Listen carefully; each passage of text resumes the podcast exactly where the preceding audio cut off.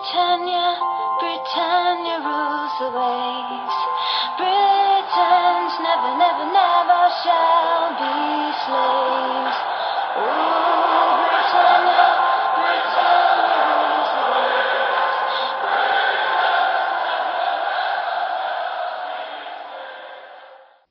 Hej och välkomna till avsnitt 172 utav Svenska FPL-podden. Vi står inför avslutande Game Week 38 även om Game Week 37 inte är helt färdigspelad då vi spelar in onsdag den 18 maj och vi har några avslutande matcher imorgon torsdag. Men eh, som sagt, nu ligger fokus på Game Week 38 och agendan för dagens avsnitt är att vi ska kika in i våra egna byggen här, hur det ser ut i 37an. Eh, för en gångs skull tycker jag att det ska bli lite kul. Eh, vi ska även kika ligaläget eh, i vår poddliga och i Glenligan som vi har. Vi ska även prata upp Game Week 38 i lite allmänna ordalag sett till vad man kan förvänta sig av en Game Week 38. Det är en väldigt speciell Eh, Game Week. Det ser vi säsong efter säsong. Jag tänkte komma med min syn på det och få lite input från eh, Fredrik och Stefan om de tycker jag är ute och cyklar eller om jag kanske kan ha någon poäng. Eh, vi ska även komma med eh, det vi brukar kalla för rekar men det är ju bara för en omgång så det är lite sådana kolla på eh, vilka spelare man ska kika mot för att få en bästa liksom, säsongsavslutning här. Eh, och där i kommer vi även kasta in utöver försvarare, mittfältare och anfallare lite differential val och eh, försöka eh, hjälpa till i lite olika priskategorier beroende på vem det är man byter ut såklart. Vi ska ha en kaptensdiskussion för Game Week 38 som också är väldigt intressant då det finns en hel del olika val och man kanske behöver sticka ut för att ta ikapp de där sista poängen i den mest prestigefyllda kompisligan. Och sen avslutar vi med era lyssnarfrågor. Men eh, det glädjer mig att vi är fulltaliga, speciellt en omgång då jag drar free hit och det blir lyckat och jag har mest poäng av oss alla. Men därför kanske jag vill bolla in dig Fredrik som ändå är ganska nöjd med, som ligger med högst overall rank av oss. Men omgången är inget vidare, 30 poäng. Ja, eh, vad säger man om det? Sämsta overall rank sen vadå, Game Week 10? Mm. Eh, men man kan välja att se det så och borra ner sig också. Man kan också välja att och försöka se det på den ljusa sidan att jag hade förmodligen tagit den här overall ranken om någon hade gett mig den inför sista omgången innan säsongen. Eh, nu är det bara stilla och försöka lösa och bli topp 10K. Det, det får vara liksom det stora målet. Eh, bedrövlig avslutning här och det, var, det blev ju liksom inte nog med att det där frihittet i, i början där, eller mitt andra frihit som det sket sig ju plus då att Game Week 36 och 37 föll ut så att de som drog frihit tjänade väldigt mycket på det. Eh, Så att, nej, det är tungt eh, FPL-mässigt, då får man glädja sig åt andra framgångar istället hos Liverpool. Ja, du har 30 poäng hittills. Som sagt, tre gubbar kvar varav din kapten eh, Matti Cash eh, Mm. är kvar.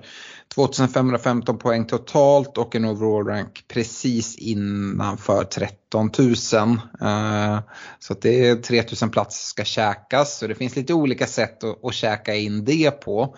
Eh, vi kommer komma till det när vi ska prata Game Week 38. Men eh, ja, ett byte gjorde du. Bytte ut Salah, Kevin De Bruyne kom in. Jagade hans poäng efter de här fyra kassarna gissar jag. Ja, jo det är klart att man gjorde. Eh, Jag trodde ju att City skulle göra det bättre nu. Sen var det också att hitta en, eh, en ersättare som eh, var bra för båda de två avslutande omgångarna. När Salah gick sönder så ja, då kändes det rätt självklart. City redan med Son i bygget annars hade kanske han varit det givna valet. Mm, ja, rimligt. Son, det var där, dit du gick Stefan och du hade ju inget chip och du spelade inte free hit. Däremot en rätt okej omgång. Du Eh, 58 poäng eh, men med minus 4 så blir det 54 netto. Totalt 2430 poäng, en overall rank gröna pilar på 72k. Eh, har fyra gubbar kvar med Richarlisons bindel och sen så måste vi väl ändå nämna att du får in riktigt smutsiga poäng, 16 pinnar från Bards från bänken. Ja, nej, jag får in min andra avbytare också och jag kommer säkert få in Kär också, eh, tror jag. Eh, men eh, det får vi se när Chelsea kickar igång eh, sista eh, matchen här på torsdag. Eh, Ja, men Barnes är såklart eh, flyt att få in från bänken. Jag vet inte, jag trodde inte han skulle spela mot Watford, bänka honom. Jag var på svensexa i Bratislava ska väl tilläggas. Så kanske inte hade full fokus på, på FPL och det blev lite kaosartat där när Salah skadade sig mitt på, eh, på lördagskvällen där. Eh, men jag plockade in Son och Zaha. Eh, har väl ingen, fick väl ingen leverans där med Son som Fredan var inne på har jag planer för sista omgången, eller är skönt att ha honom i sista omgången. Eh. I'm Sandra, and I'm just the professional your small business was looking for. But you didn't hire me because you didn't use LinkedIn jobs. LinkedIn has professionals you can't find anywhere else, including those who aren't actively looking for a new job but might be open to the perfect role, like me. In a given month, over 70% of LinkedIn users don't visit other leading job sites. So if you're not looking on LinkedIn, you'll miss out on great candidates like Sandra. Start hiring professionals like a professional. Post your free job on linkedin.com/people today. Ja, nej, det är såklart eh, bara kämpa på här. Det är svårt att göra någonting eh, åt dig Alex tror jag med tanke på att du, du träffade bra med din free hit. Men vi får se, jag har rätt många gubbar kvar. Om, om Chelsea öser på och mina gubbar spelar eh, här på torsdag så, och att Richarlison kanske plockar en del pinnar så ja, men får vi se vad differensen ligger på. Men annars så, så finns det andra kompisligor där, där man eh, är med här i sista omgången så, så motivationen är hög. Mm, du nämnde det, Salla ut, Son in. Du nämnde även att Sa kom in. Eh, jag ska säga att det är istället för Kulusevski. Eh, och eh, ja, som sagt, de här poängen jag tar nu, de, det är liksom livepoäng så det är redan med inräknade att Barnes kommer in och, och sådär. För egen del då så drog jag ju free hit. Vi gick ju igenom det i, i förra avsnittet och det var väl inga sågningar från, från eh, något av era håll. Ni tyckte väl att det såg bra ut i stort. Det finns olika val man kan göra. Eh, det var ju inte riktigt det lag som vi gick igenom i podden som det blev och det var jag ju rätt eh, tydlig med att det kunde ändras. Och det ändrades, ändrades ganska mycket. Jag gick eh, jag gick på Leicester-spåret och tog en liten chansning. Tog, körde både Vardy och Madison. Eh, och så fick båda Watford starten och som sagt det håller inte helt eh, omöjligt att eh, i alla fall Madison kan få, få starten mot Chelsea. Eh, skulle kunna vara så att Vardy får en start eller i alla fall minuter mot Chelsea också. Så vi, vi får se. Eh, jag ligger på 62 poäng eh, i, i omgången och det har ju mycket att göra med att du och jag är så nära varandra att du har binden på Richarlison Stefan och jag eh, missar ju den och sätter den på cash precis som, som Fredrik gjorde. Och där, där sprack ju nollan eh, och eh, jag, eh, jag var egentligen aldrig nära att sätta den på Richarlison men jag höll på att väga de olika villavalen mot varandra. Det var Ingset som hade den ett tag, det var Ding som hade den ett tag. Men sen gick jag på det säkra villakortet, det är den som jag kände mig mest trygg i alla fall skulle få dubbla starter. Så vi, eh, Fredrik, vi får jobba tillsammans med ett Cash här i, imorgon torsdag. Ja, vi får göra det och hoppas att nollan inte spricker där på slutet. Ja, eh, jag vet inte hur jag sa det, overall rank 40k, jag har nio gubbar kvar. Eh, och eh, ja, kikar man här framåt, det, det som den fördel som som ni har eller om det är en fördel. Men ni har satt upp ert lag kanske redan lite för Game Week 38. Jag nyttjar mitt free hit, får tillbaka mitt lag som förvisso ser ganska bra ut för, för 38, det har jag planerat för. Ehm, men har bara ett byte och eh, jag har ju Sala i bygget, får se vad som händer där. Eh, det låter ju som att Klopp vill eh, få minuter på Salah inför Champions League-finalen. Det är inte rotation som Liverpool kommer syssla med i den matchen. Ehm, men är det så att han är redo för 90, jag tycker att det låter nu på förhand som att det snarare är ett inhopp. Men jag avvaktar och ser. Men är det så att jag måste plocka ut Salah då är ju tråkbytet och liksom det enkla bytet att gå till Son. Eh, för egen del kan jag inte göra det eftersom jag sitter redan med tre eh, Spurs-gubbar i Kane, eh, Kulusevski och Davis i försvaret. Så det skulle kräva en minus fyra, Så jag har kollat på att göra Salah till Son och Davis till Alonso. Vi gillar Chelseas hemmamatch mot Watford och ser liksom Eh, mycket poäng i en Alonso. Eh, annars är ju liksom eh, det enkla bytet bara att göra Salah till valfri mittfältare förutom eh, liksom en Spurs mittfältare och då Son såklart. Eh, man kan ta någon, någon pant på, på en Sterling kanske eller gå på Mané eller ja, det finns liksom lite olika val att, att göra där. Eh, har, eh, har du Fredrik börjat kika på något byte du, eh, du, du kollar mot mot eh, 38? Mm, jo men så är det ju. Man har ju varit inne på, på Pick Team och, och kikat och, och insett att de spelarna jag, jag helst vill byta in, de finns på mittfältet och de spelare jag helst vill byta ut, de finns i försvaret. Mm. Eh, och det blir ju ett problem för det går ju lite svårt att matcha. Men jag inser att jag kommer ju behöva lägga ett byte på, på Matty Cash. Mm. Eh, men har 1,2 miljoner på banken så det gör ju att eh, Chelsea-försvararna finns inom räckhåll. Eh, mm. Så att cash till en Chelsea-försvarare för att dubbla upp sitter ju redan med Rydiger mot vad som väl ändå får anses vara ligans sämsta lag just nu eh, i, i, form av, i form av Watford hemma. Eh, jag tror att det där kan bli en total slakt. Eh, mm. och hade jag suttit med ett free hit nu då hade, jag, då hade tre Chelsea-spelare varit de tre första spelarna i mitt free hit.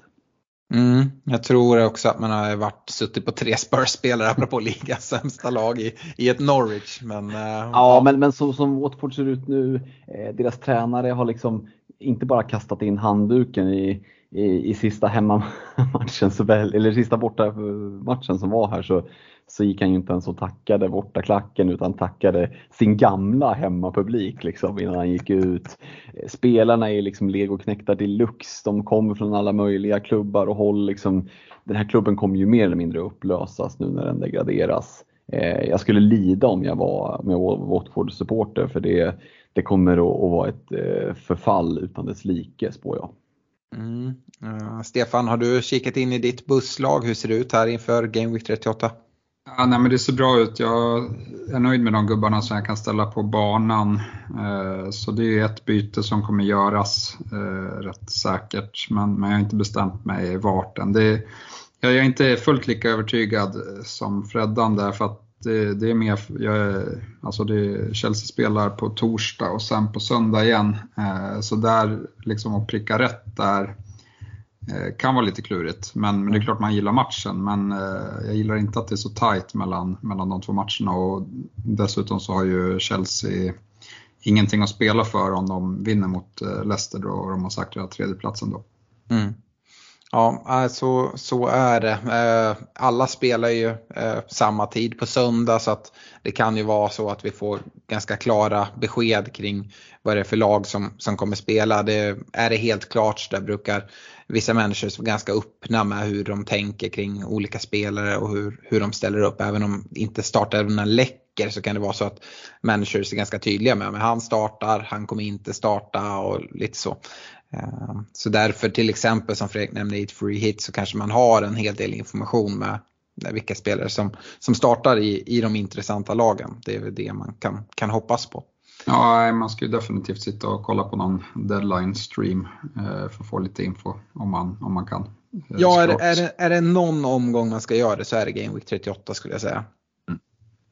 Mm. Eh, Yes, men vi, vänt, eh, vi lämnar våra byggen där. Eh, lite också kopplat till att vi är, har en del matcher kvar här och det kommer rulla in en del poäng. Som sagt, jag, jag har nio pers kvar så hoppas ju på att fortsätta kunna avancera en del.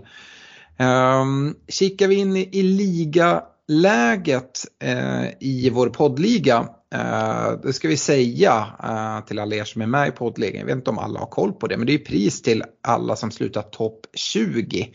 Uh, så det är ganska många priser. det är ju väldigt hög nivå på ligan. Eh, så det krävs ju över 2600 poäng just nu för att ligga, ligga topp 20. Och eh, ja, där, där är vi inte nära. Eh, Fredrik som ändå haft en bra säsong, liksom, det är 85 poäng ifrån. Eh, så att, uh, kudos till er som, som har jobbat och vi har ju Joakim Längroth i, i topp i, i poddligan. Men det är, det är tajt där uppe faktiskt så att ingenting är klart. Det, det, det står ju mellan han och, ja nu har jag inte en Ja precis, Karvan. Eh, jag tror skiljer två poäng dem emellan just nu. Eh, första pris till poddligan är ett presentkort på 5000 kronor hos vår partner Olka Sportresor. Eh, och sen har vi pris till tvåan och sexa, tvåan till sexan eh, på 1000 kronor presentkort hos unisportstore.se. Eh, de som kommer mellan plats 7 och 16 får ett presentkort på 7, värde av ungefär 700 kronor hos Glenn Sportsbar där man får Eh, lite burgare, bärs, shuffleboard och massa sånt. Och eh, de som kommer på plats 17 eh, till 20 får ett presentkort hos vår partner Nakata eh, på 500 kronor. Ehm, så ja, pris till, till topp 20 i en liga där det är helt gratis att vara med. Eh, om man nu eh, har över 2600 poäng och tycker perfekt, jag är inte med i poddligan men här ska det gå in och plockas priser. Eh, så får jag säga att tyvärr går inte det. Vi stänger ligan eh, en bit in i säsongen för att undvika att få just sådana som, som hoppar in bara för att ta det. Men eh, bättre ny, eh, lycka nästa år. Det är som sagt ingen kostnad att vara med så se till att vara med redan från start eh, så finns det möjlighet att vinna fina priser. Eh, en annan liga som vi har tillsammans med vår partner Glenn Sportsbar är ju Glennligan. Och eh, där har Karvan valt att inte vara med. Eh, så att där skulle jag mer eller mindre säga att det är klart att Joakim Längroth går och plockar hem det han har en ganska stor ledning. Men jag, jag snackade lite med, med Joakim och han sa att ah, jag vill inte ta ut någonting i förskott. Eh, men jag tror att han vinner.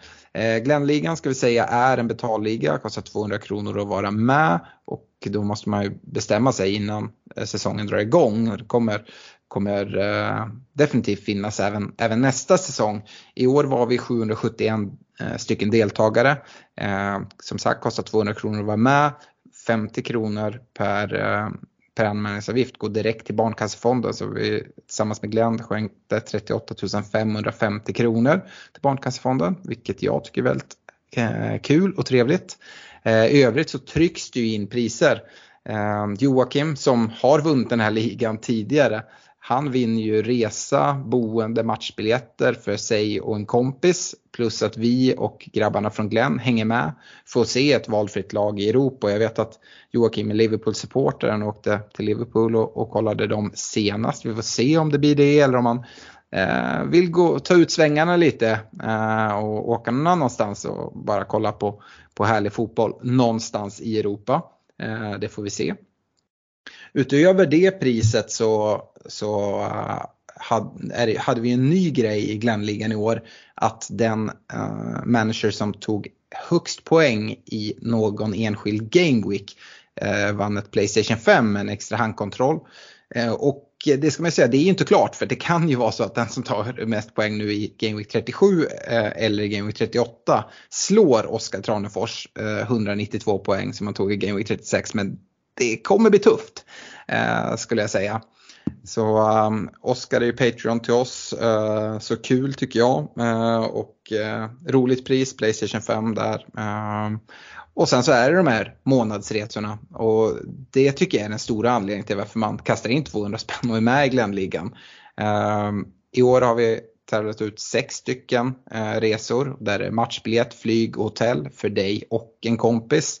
Eh, och det är ju den som tar mest poäng i en enskild månad som man kan ligga rätt uselt till i overall rank och det är ju, det är ju Martin på Glenn ett lysande exempel för.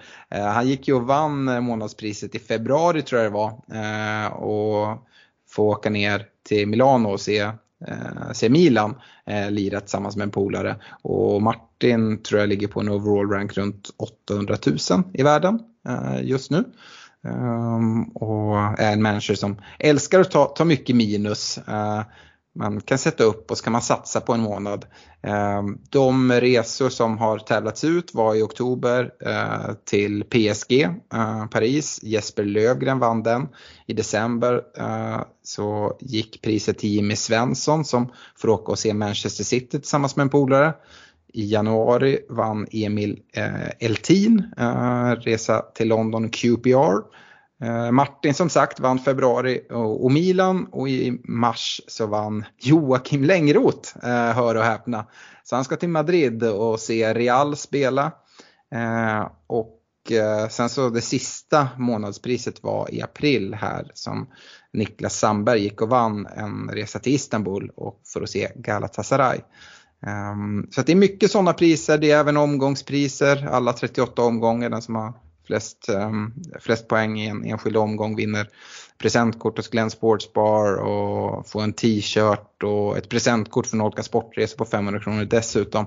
Så att det, är, det är mycket priser där, eh, väldigt kul. Och jag vet inte, Stefan, du hade en polare som var väldigt nära att eh, plocka hem eh, resan till Istanbul. Men för egen del har det inte varit nära riktigt va?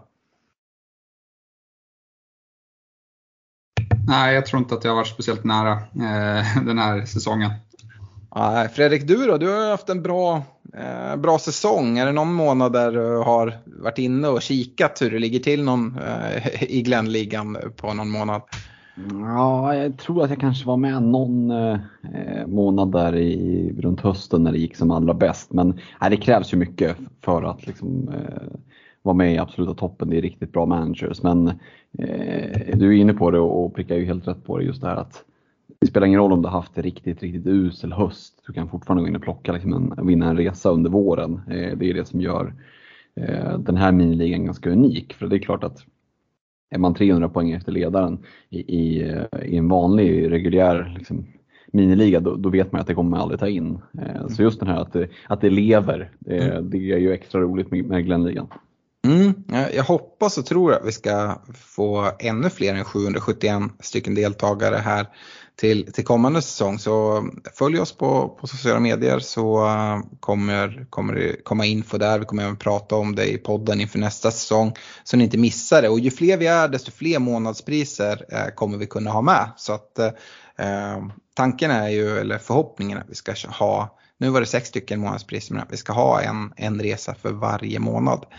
Så um, yes, eh, se till att häng med där. Eh, jag nämnde ju alla våra partners eh, här i priser egentligen förutom Netshirt som säljer vår merch. Så att de får också ett omnämnande men annars tycker jag vi hoppar in i veckans punkt som jag har valt att kalla Game Week 38 som företeelse. Och som sagt tanken här är att det är en väldigt speciell omgång. Game Week 38 det ser vi varje år så jag tänkte komma med lite ja, min syn på Game Week 38 och höra om ni, ni håller med mig eller tycker jag är lite snett på det. Ehm, den första grejen jag tänkte ta upp är att det är en Game Week där det brukar bli fler mål än Eh, average Game Weeken och få nollor. Det har väl att göra dels med en del lag som inte har så mycket att spela för och inte bryr sig och andra lag som verkligen köttar på eh, och kanske vill visa upp sig för sin hemmapublik och sådär. Eh, och det är en känsla jag har haft men jag kollade även upp det lite grann så eh, förra säsongen till exempel så var det snittmål per match 2,69. Eh, I Game Week 38 var det då eh, snitt 3,1. Eh, så att det, det, blir fler mål och går man bakåt så ser man det. Jag såg eh, på Fantasy Football Scout att de hade gjort en, en artikel om det här. De hade kikat och jag tror liksom de senaste tio säsongerna så har det varit liksom en hög, högre, eh, högre snittmål i Game Week 38 än om man kollar på resten av säsongen. Eh, jag tror liksom säsongen 16-17 diffade ett helt mål per match och liksom Eh, de senaste säsongerna som har varit så har snittet för Game Week 38 varit över 3,0 per match vilket är väldigt, väldigt högt. Och eh, det är ju såklart mål som gör att man, man får poäng för då är det assist och det är mål och poängen trillar in. Men det kan vara svårt att få dem på försvarare. Eh, Stefan, är det här något som, som du också eh, tänker på när du tänker på Game Week 38? Ja, absolut. Eh, det är ju. Eh, det, det brukar ju bli lite galna eh, scorer i vissa matcher. Nu tycker jag dock att den här säsongen har varit ganska, lite speciell med liksom, när man har kollat på ja, men, hur många offensiva ytterbackar och backar det har funnits att plocka av. Så att, ja, jag vet inte, det är klart att man kanske ska tilta sitt lag offensivt. Men det kan man ju faktiskt göra med, med backar också. Mm. Eh, Fredrik, eh, är det här också en del av den här synen? Alltså nu har jag plockat fram liksom svart på vitt att det är så men eh, har det varit din känsla också sen, sen tidigare säsonger? Jo men det tycker jag. Just det här att man tappar lite koncentration när man leder med 3-0 och släpper in ett extra mål i slutet. Känslan är ju, nu har inte jag gjort hemläxan och kollat upp statistiken, men att hemmalagen tenderar ju att vilja liksom avsluta bra hemma för publiken. Bortalagen och de som inte har någonting att spela för åker kanske mest för att bara städa av säsongen. Ehm, så det är väl lite det. Det är den känslan man brukar ha. Sen har ju det såklart att göra med vilka lag som spelar hemma respektive borta. Ehm, det ser vi ju liksom exempel på i till exempel Chelsea, Watford eller Norwich Spurs, ehm, vilket lag som är favoriter. Men eh, jag tycker ändå när jag sitter och väljer nu, alltså blir det lätt jag blickar lite mot hemma, hemmalagen. Eh, jag tänker att de kommer att och vill avslutas någon, på något sätt ganska snyggt. Det är alltid någon spelare som, som ska lämna klubben. Vi såg ju eh, West Ham till exempel, deras sista hemmamatch mot, mot Man City här eh, när Mark Noble skulle tackas av. Jag är ganska säker på att jag vet inte vilka ord som sades i omklädningsrummet men någonting i stil med att nu ser vi för helvete till att inte förlora det här för, för, liksom, för Nobels skull. Eh, och det gjorde de inte. Så att, eh, det ligger ändå någonting i, i den där hemmaplansfördelen tror jag. Kul att du säger det. Det är nästan så. Jag tror att du har varit inne och kikat i mina anteckningar, vilket du inte har kunnat göra. Eh, men nästa punkt är hemmaplansfördelen större än vanligt har jag skrivit. Och det, det handlar ju om vad vi var inne på. Det kan vara två lag som egentligen inte har någonting att spela för. Men de ska tacka av sin hemmapublik för en fin säsong, 38 omgångar. Eh, det brukar kunna vara något så här för vissa eh, att ja, men det är också att managern inte riktigt kan accepteras att rotera hela sitt lag när man spelar för sina hemmafans eh, sista matchen på säsongen. Utan det finns ingen anledning att vila dem. Eh, för att det finns inget att vila till, de ska gå på semester. Ehm, eh, och liksom man vill ge fansen liksom, eh, ja, men det, det de ska ha. Eh, så däremot bortalagen, de brukar inte ens vara så sugna på, på att åka iväg på de matcherna om man inte har så mycket att spela för. Då kan det rinna iväg och där, därav fler mål. Och um, nu har vi hört Fredrik prata om hemmaplansfördelningen, men eh, hemmaplansfördelen som han, han uppfattar. Men Stefan, ser du det på samma sätt? Och nu i år har vi ju dessutom många utav de lag som vi verkligen gillar som har riktigt, riktigt fina hemmamatcher. Ja, nej, det, man ser mål i många matcher här i Game Week 38 tycker jag. Eh, och eh, det skulle kunna bli en riktigt, riktigt rolig eh, avslutning på, på säsongen. Sen kanske folk sitter med liksom merparten av, av liknande gubbar här eftersom det är, om vi pratar Chelsea, Liverpool City hemma. Eh, där har ju många, väldigt många spelare ifrån. Mm. Jo, så är det. Ehm, utöver det så, så brukar det vara vettigt att kolla mot lag som ändå har någonting att spela för jämfört lag som inte har det. Ett bra exempel gällande borta och liksom borta, som ändå har bortaplan men har något att spela för är ju Spurs som ska möta Norwich borta. Norwich är redan ur. Visst, Norwich vill säkert göra, liksom inte torska superstort uh, i, för sina hemmafans. Uh, samtidigt så Spurs kommer ju bara gå för det. Det är dels lag som har något att spela för men vi har även sett spelare som, som jagar skytteligan. Son nu till exempel när det är ett mål bakom Salah som vi inte ens vet om han kommer till start här i Game Week 38. Um, ehm, eller spelare som spelar för en flytt eller ja, vad det nu kan vara. Um, så att liksom hitta lag som har något att spela för eller alternativt hitta lag som inte har något att spela för och så kanske har borta match och man tror att ja, men här de kommer liksom ja, får se om de, ens, om de ens dyker upp eller om det blir VO. Um, ehm, ja, eh, Fredrik, eh, jag antar att det också är något du, du kikar mot. Mm, nej men verkligen. Eh, här finns det, här finns det ehm, jobb att göra vad det gäller att, att välja rätt och man vet aldrig på förhand eh, liksom, hur utfallet blir men eh, lite det som vi är inne på just nu tycker jag är värt att ta med i beräkningarna. Mm. Kan det finnas någonting Stefan med att folk som har något att spela för att de också kan känna en press? Vi såg ett Arsenal som var riktigt svaga mot Newcastle. Um, att det kan vara pressen som på något sätt spelar in eller hur, hur ser du, är det bara en, en, ehm, en fördel att ha något att spela för kontra en nackdel att inte ha något att spela för? Jag skulle säga att det är en fördel eh, generellt. Eh, sen är det klart att eh, att eh, man inte, kanske inte lyckas alla gånger eh, heller. Mm. Men, men jag skulle väga till att det är en, är en fördel.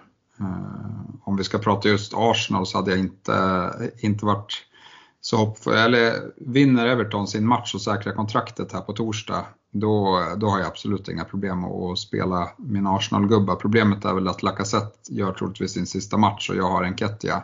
Mm. Så Enketia kommer jag inte ställa på banan för jag tror Lacazette kommer få den starten eh, till exempel. Mm. Eh, och det tror du även fast det på pappret finns något att spela för här. Att ni skulle kunna gå om uh, gå om Spurs om, om de gör en Spurs så att säga och liksom skiter det. det. Det, är liksom, det är väl lite deras grej, eller har varit innan i alla fall. Och att man som Arsenal då kanske vill ställa ut det bästa laget och där tillhör väl Enketia ändå idag. Ja, samtidigt så kommer man behöva göra lite eh, förändringar från Newcastle-matchen för att mm. liksom visa lite eh, någonting. Eh, och Lacazette, eh, alltså Lacazette versus Enketia, eh, Lacazette har varit eh, ordinarie merparten av säsongen. Enketia har varit i några matcher på slutet. Så jag skulle inte säga att det skiljer jättemycket och det är svårt att säga att, liksom, det, är någon, att det är något helt tokigt att starta Lacazette där. Nej. Um, nästa punkt som jag skrivit upp är läckta älvor. Eh, och det här har ju framförallt varit en större grej för ehm, tidigare säsonger då, då deadline var en timme innan, innan matchstart. Nu är det en och en halv timme och då blir det inte alls lika mycket eh, vettiga läckta eh, älvor som, som kommer. Men det brukar ändå kunna komma någonting. Eh, och sen som vi var inne på tidigare att så här, sista gameweeken att det brukar kunna vara ganska öppet och, och man kunna få information från, från presskonferenser eller som som eh, ja, men, eh, läcker ut från media eller så. Uh, trots det en och en halv timme innan. Så att uh, tipset att följa en deadline stream till exempel uh, är ju ett, en jättestor rekommendation. och liksom vänta med att göra, göra sina byten, att inte agera allt för tidigt. utan här tycker jag verkligen man ska sitta in på, på sluttampen. Inte hela vägen in. Vi vet att spelet liksom lägger ner då. Eh, kan göra någon minut innan men att göra bytena eh, liksom på fredag eller lördag tycker jag inte är aktuellt utan man väntar till söndag då man liksom förhoppningsvis kan få information och helt plötsligt se att aj då, den här spelaren eh, kommer helt missa av någon, någon anledning. Eh, jag är ganska säker på att vi kommer få hyfsat mycket information ändå. Eh, Eh, Eh, hur, hur, brukar du eh, göra Fredrik? Brukar du eh, scouta Twitter eller brukar du kolla någon deadline stream eller hur, hur brukar du lägga upp det här för, för Game Week 38 framförallt då? Ja men eh, först och främst är jag ju en ganska lat jävel så att jag tycker ju att Patreon-tråden är himla tacksam där vi har väldigt mycket folk som, som har ja, men bra koll på olika lag så där brukar det dyka upp en hel del läckta älvor, så är det inte alltid de stämmer men eh, man har ganska bra koll på vilka som, som brukar stämma och sådär. Sen är jag eh, mer av eh, Twitter än eh, livestreaming eh, så att jag hänger på Twitter rätt så intensivt de där sista timmarna innan deadline. Mm. Du då Stefan, jag vet att du brukar kolla eh, Let's Talk FBLs deadline stream titt som tätt. Ja, men det är mer för att man vet att han har bra kontakter. Mm. och det var väl någon säsong här när det var något eh, stort i sista omgången, att någon var borta tror jag. Eh, mm. Minns inte vem det var. Eh, kan ha varit förra året, där man liksom han, han byta tack vare att man satt och kollade. Mm. Yes. Den sista grejen jag tänkte ta, och det vet jag vi har pratat om tidigare, men just Game Week 38. Vi och jag tycker det är extra viktigt att påtala det här avsnittet. Vi kommer komma in på, på rekommendationer, det kommer finnas differentials där man liksom ser att oj, här kan man ta poäng och här kan man, man jagar i sina miniligor. Det är väldigt lätt att lockas och göra byten till höger och vänster. Men i Game Week 38 är det oerhört svårt att räkna hem allt för mycket minusbyten.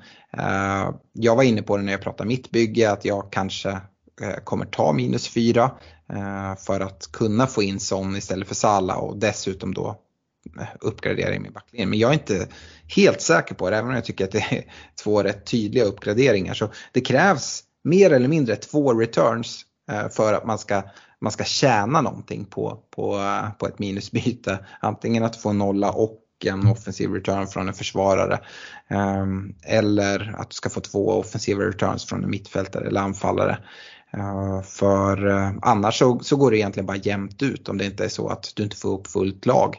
Eh, så minuspoängen, ah, alltså mer än minus fyra jag är inte den människan. Det är lätt att lockas av spelare som man ser, men deras tak borde vara ganska högt, absolut. Men att träffa alla de bytena som du gör.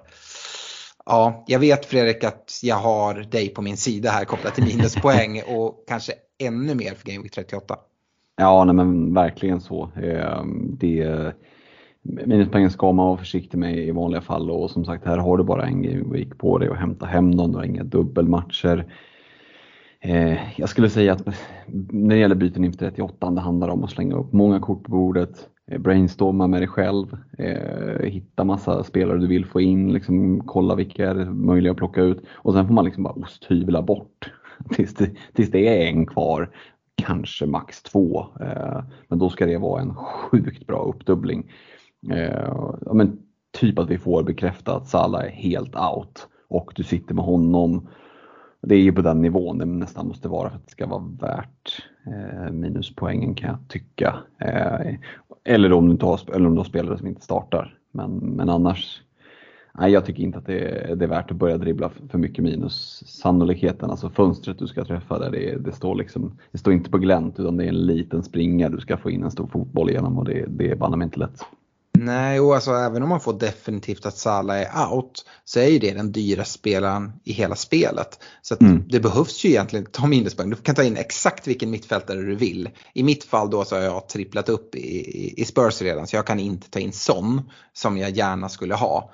Men alltså, om jag väger då minus 4 eh, mot att istället eh, för Son plocka in Mané och sitta lite med en differential som, som mycket väl kan, kan göra det bra mot, mot Wolves hemma på Anfield sista matchen för säsongen. För hemmapubliken. Jag vet att ni har en Champions League-final eh, mm. i Paris. Men um, jag är ganska säker på att Liverpool kommer ställa ett väldigt, väldigt starkt eh, lag på benen. Det är tilltänkt eh, Champions League finallag som kommer spela tror jag. Eh, bortsett mm. från folk som har skador då eller Ehm, så pass stora känningar att det riskerar att, att göra någonting värre. För det, det är inte några liksom, eh, korta dagar, jag tror att det är sex dagar mellan eh, den matchen och, Champions League-finalen. Så där vill man också få liksom, minuter på de spelarna så att de är uppe i tempo. Uh, ja, det var, ju Klopp ut och, det var ju Klopp ut och sa också att han väldigt gärna ville ha det på, på Salah och Eh, och van Dijk. Så att det är ja. helt rätt. Mm. så att det, är svårt med minuspoäng och som sagt det kommer locka när vi kommer till, till våra rekom rekommendationer här. Att, ja, men, eh, det, för jag, när jag börjar kolla på det, det finns jättemånga spelare som jag tror har eh, superfint läge att liksom, ta, ta mycket poäng. Men att äh, tjäna in de, de minuspoängen, det är lurigt. Eh, Stefan, eh, dina sista ord på, på minuspoäng innan vi går till just eh, rekommendationerna? Ja, nej, jag gillar inte heller.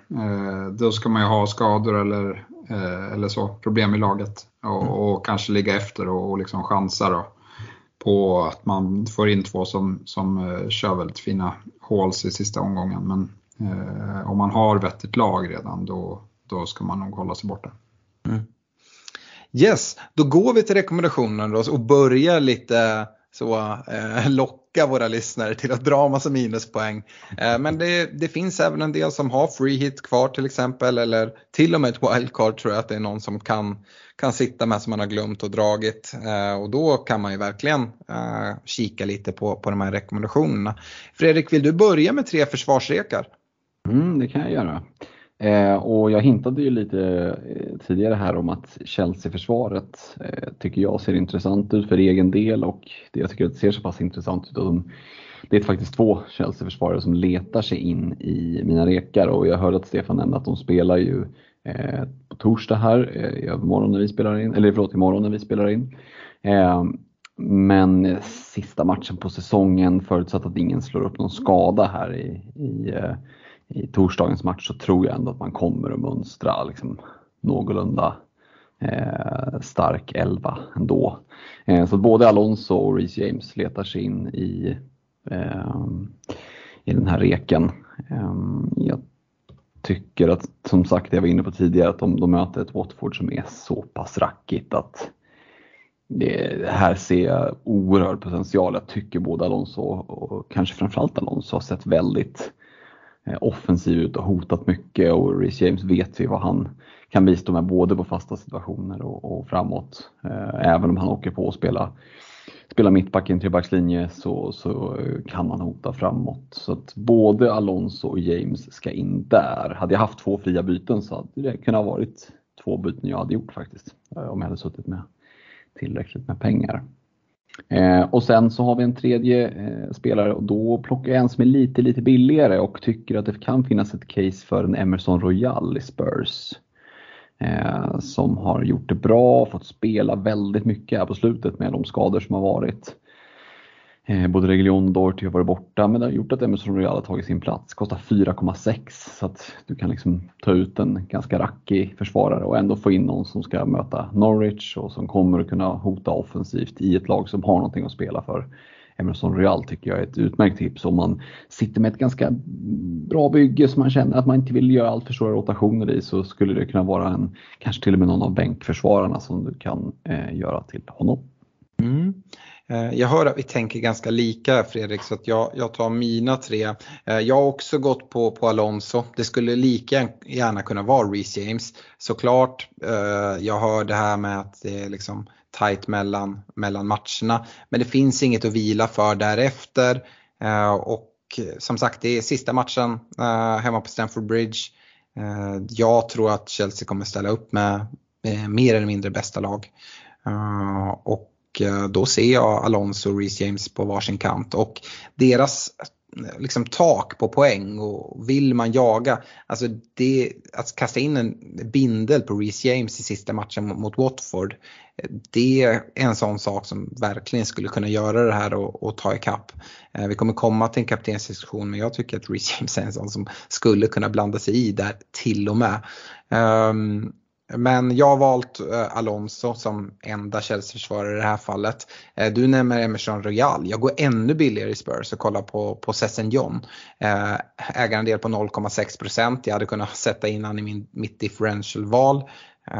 Men här får han komma in som försvarsrek. 4,3 kostar honom. Kostar han. Så att, jag tror att Spurs chans till nolla mot Norwich är okej. Okay precis som jag varit inne på tidigare, min känsla är att det kommer vara ganska få nollor i Game Week 38 och att Norwich kanske gärna vill göra ett mål och då gå framåt och öppnar upp sig.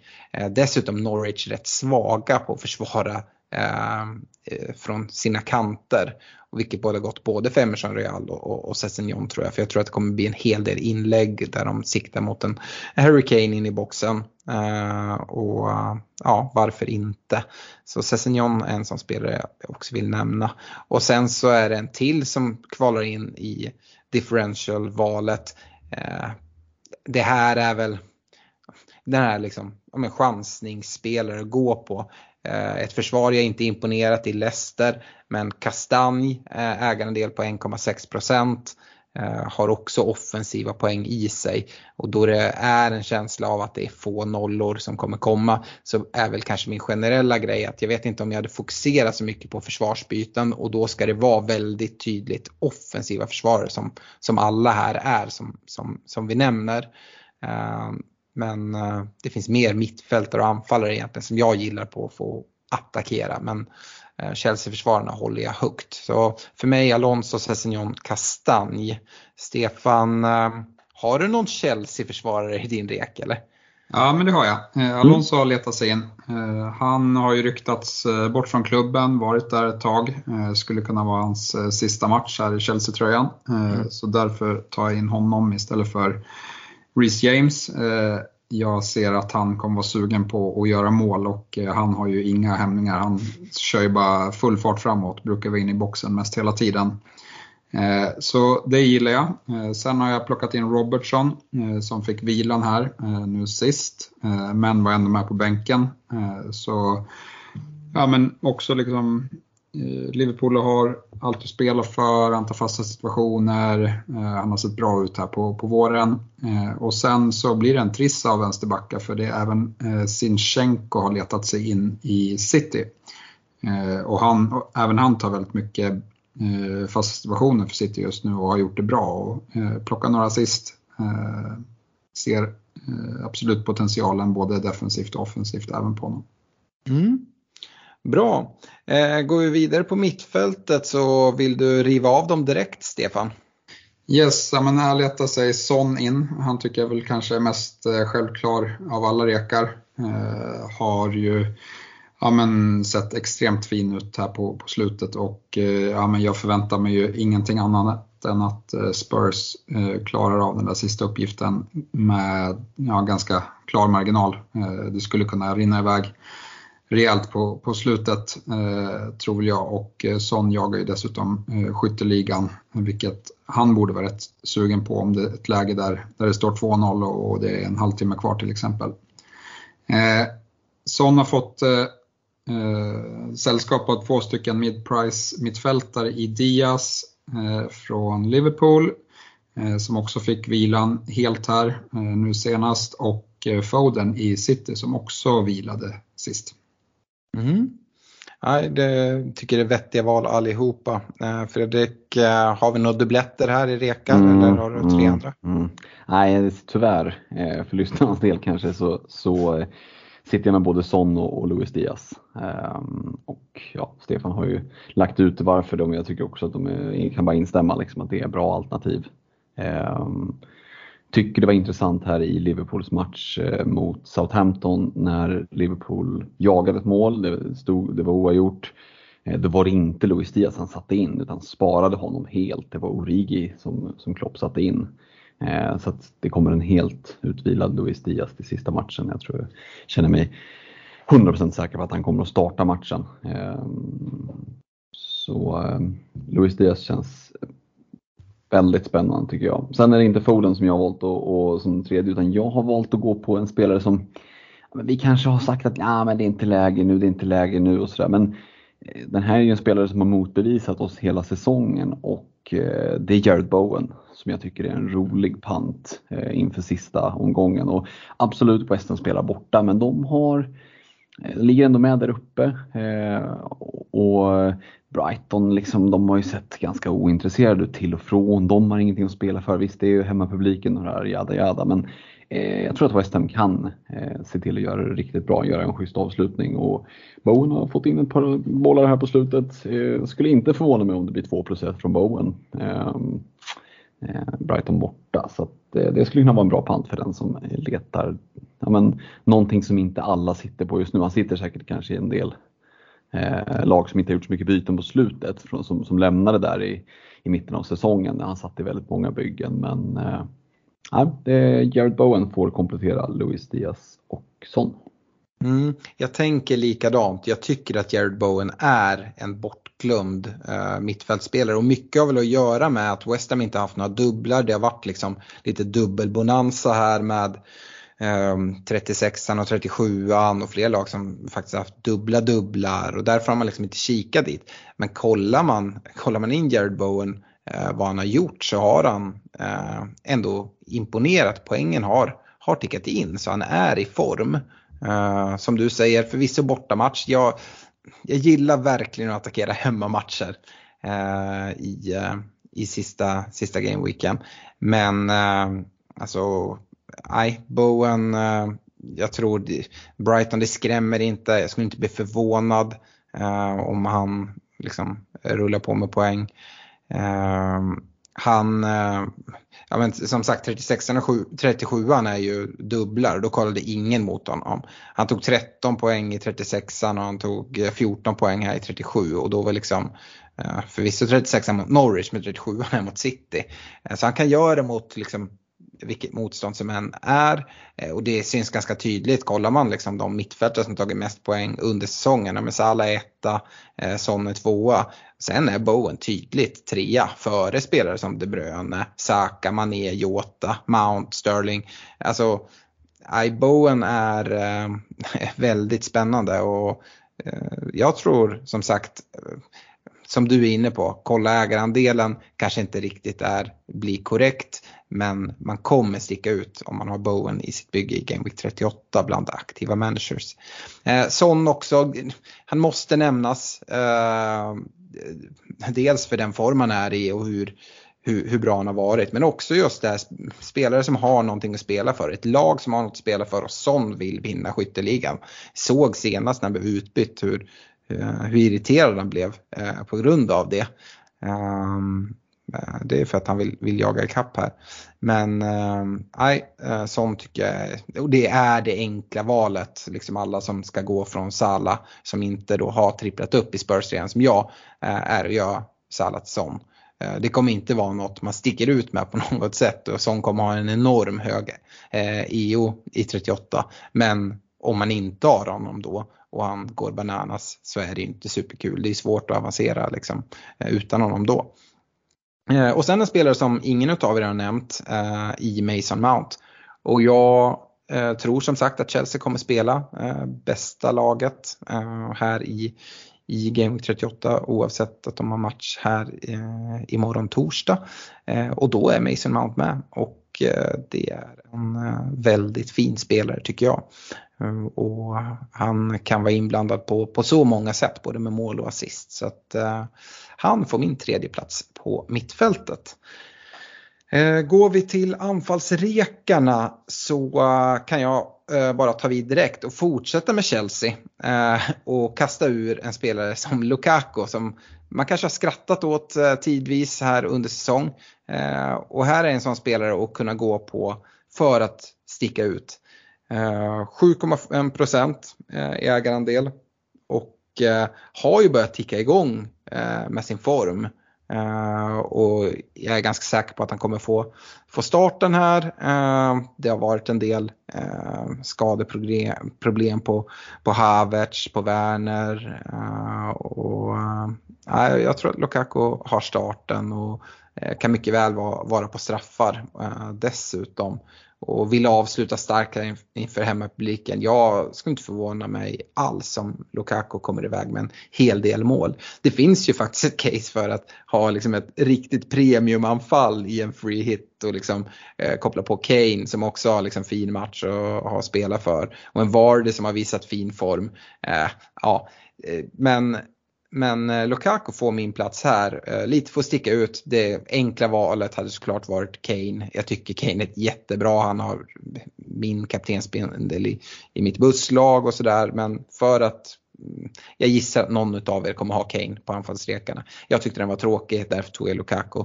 Eh, och tillsammans till honom så har vi en Ivan Tony och en helt annan priskategori och det är helt avsiktligt. Jag vill inte sitta med Lukaku och Kane som rekar här för det är svårt att nå dit för folk. Men eh, Ivan Tony tycker jag lockar något enormt. Här har vi en hemmamatch eh, och det är mot Leeds. Ett Leeds som är skadeskjutet, de har avstängningar på viktiga spelare. Eh, Leeds har absolut någonting att spela för men det är ju liksom för, för sitt liv. Jag vet inte om det är positivt. Brentford skulle älska att eh, slå ut Leeds. Jag vet att eh, Ivan Tony på Twitter var ute och hade fiskat upp någon gammal något gammalt inlägg från, från Leeds där när Leeds gick upp och Brentford fick, fick stanna kvar i Championship och de hade, höll på något så här mind the gap eh, till Brentford och, och eh, han, eh, han kikade på det och spanade mot Game Week 38 nu. Uh, Ivan Tony på straffar dessutom. Leeds har ju verkligen i sig att dra på sig några straffar också. Jag tycker att Ivan Tony falsalternativ att, att kliva in på här i Game Week 38. Och uh, med det så uh, lämnar jag över ordet till dig Stefan på anfallssidan. Du har ju redan eh, sagt mina rekar i Kane och Tony. Eh, så att, eh, nej, de tyckte jag satt rätt enkelt. Ja, Kane behöver ingen förklaring och, men det, och sen har jag också satt där Twitter-tråden med, med Tony. Och jag tror ju som, som många att Leeds är väl ett sånt lag som absolut kan liksom knäckas av den här pressen och måste vinna sista matchen, gå fram för mycket och blottar sig mot ett Brentford som gillar att och slå om på kontring. Så att, eh, nej, eh, den matchen gillar jag jätte, jättemycket. Mm. Eh, Fredrik, hur har du formerat det på anfallsrekarna? Ja, men min rek får väl, alltså jag har ju liksom skrivit ner Kane och Tony jag med och det, säger, och det säger väl någonting och då får min rek snarare bli att gör inte bytena i anfallet. Eh, om du sitter med ett katastrofalt dåligt anfall eh, så tycker jag att det finns betydligt hetare mittfältare att byta in, men det går också att plocka de offensiva ytterbackarna. Eh, båda de två valen kommer klart för att hålla på att byta i anfallet. För att, nej, det är fan sparsmakat alltså med, med eh, anfallare med bra matcher som är heta. Det är, de här, det är liksom en pant på Lukaku, det är Kane som de flesta, som många sitter med och så är det Ivan Tony. Men ja, som sagt, det, jag, jag välkomnar ju ner i, i Tony-kaninhålet men jag vet inte hur mysigt det var här nere egentligen. Eh, jag hör ju vad du säger Alex i pläderingen för honom och jag håller ju med dig. Det är därför jag har skrivit ner hans namn här på, på reken. Men eh, jag personligen lockas mer av, jag kan liksom lista 5-6 mittfältare som jag hellre plockar in innan någon av anfallarna egentligen. Så att eh, Kane Tony är mina rekar men med liksom tillägget, inte med någon spelare utan gör inte bytena i anfallet. Spännande, jag håller inte med dig äh, här. Det handlar väl att gör inte bytena i anfallet. Det är ju att kolla vart man har problem. Och mittfältet kan ju mycket väl vara så att du sitter med spelare där du tycker att allihopa ser rätt fina ut, eh, alla fem. Men du mm. sitter knappast med tre anfallare som du tycker är kanon på något sätt. Det, det kan jag liksom inte se. Eh, liksom har du lite pengar och sitter med någon gammal avdankad broscha där på bänken eller liksom något liknande och kan liksom gå från broscha upp till, till Tony. Ja, men det tycker jag är ett kanonbyte att göra. Um, och börja då inte gå in och, och fingra på dina mittfältare för att se någon. Alltså det är så lätt att schabbla bort sig där. Um, Tony tycker jag är ett kanonval. Uh, kopplat till, till Lukaku. Uh, jag är inte den människa som hade valt att gå på Lukaku före Kane om jag liksom inte hade haft den, den ena. Och det är svårt att få in båda. Det är väl om man sitter som mig då med, eh, med Kane redan och man ska byta ut Sala och man går på en på någon av de här mid-price eh, mittfältarna som vi pratade om. Man går på en Jared Bowen till exempel på mittfältet. Eh, och och eh, sen eh, omvandla de pengarna till, till Lukaku på topp eh, på något sätt och ha både Kane och Lukaku. det skulle kunna vara ett alternativ om det är så att man, liksom, man vill jaga i sin miniliga, alla sitter med sån och man liksom chansar emot honom. inget jag skulle rekommendera men det, liksom, det, den möjligheten finns tycker jag. annars det vore kul att höra. Tycker ni Lukaku är en så här, nej det här, det är bara håll, håll dig borta om vi börjar med dig Stefan. Eller är, är jag på något där? Eller?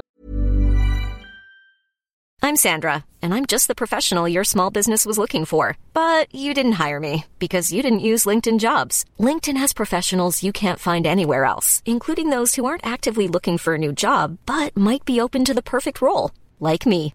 In a given month, over 70% of LinkedIn users don't visit other leading job sites. So if you're not looking on LinkedIn, you'll miss out on great candidates like Sandra.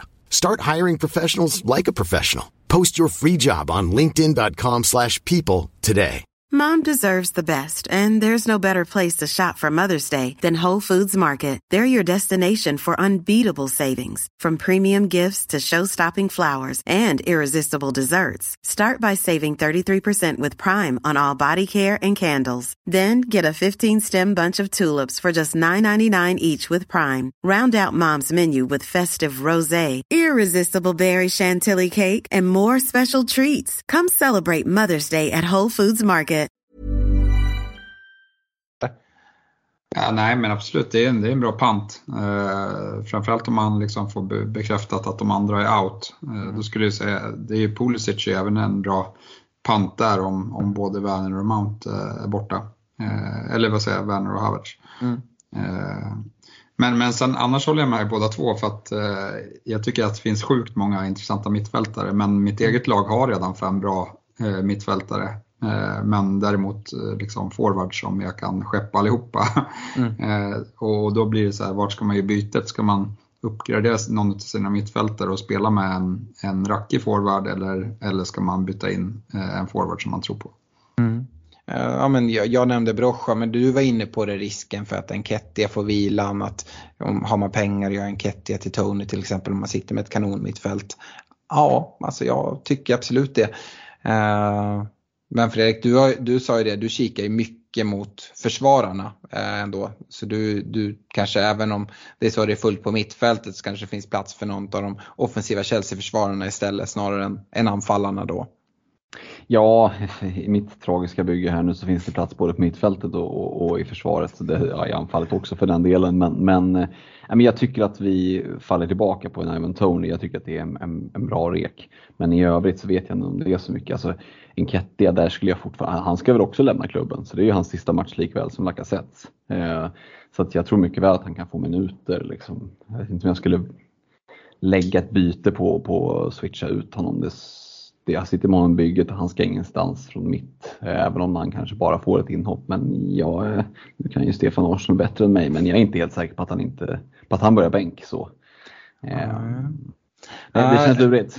Men det är den osäkerheten man inte vill ha. Eh, så blir det bänkplatsen och, och inhoppet. Liksom. Eh, då, då är det svårt att plocka, även om man gör ett mål så blir det typ fem pinnar.